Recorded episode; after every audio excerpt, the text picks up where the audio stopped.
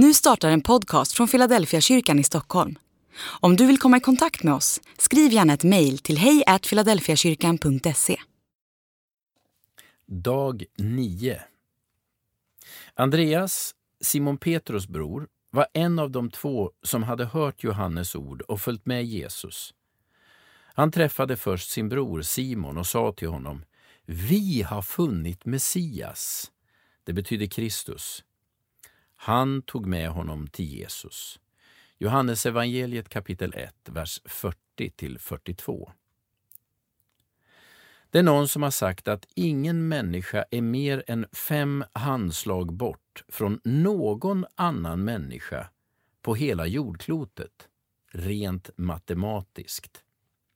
Det betyder att det bara skiljer fem hälsningar mellan dig och Barack Obama, USAs 44 president. Visst är det en fascinerande tanke att det är så nära till alla människor på jorden. Att följa Jesus handlar mest om de människor som befinner sig bara ett handslag bort. Alltså mina egna grannar, vänner och familjemedlemmar. Det verkar som att det bara var två personer som lyssnade till den första offentliga presentationen av Jesus. Och det var bara en som gjorde något av det han hade hört. En av de två. Det låter inte mycket. Bara två åhörare och bara en som gör något av det han har hört. Det är inte mängden människor det handlar om, utan kvaliteten på relationerna. Jesus samlar en mindre grupp på tolv lärjungar omkring sig som han undervisar och lever med under några intensiva år.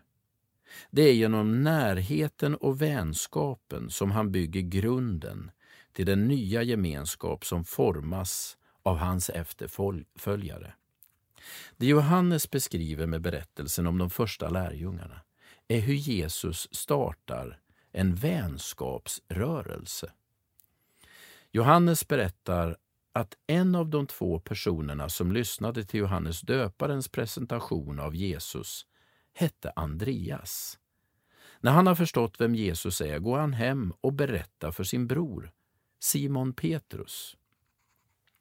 De första lärjungarna samlas runt Jesus genom sina personliga kontakter. Det är genom vänner eller släktingar de kommer med. Lärjungaskap börjar alltid i ett personligt möte med Jesus och det mötet förmedlas nästan alltid av goda vänner. Andlig övning. Vem är du en god vän till? Finns det någon du skulle be följa med dig till kyrkan för att de själva skulle kunna se?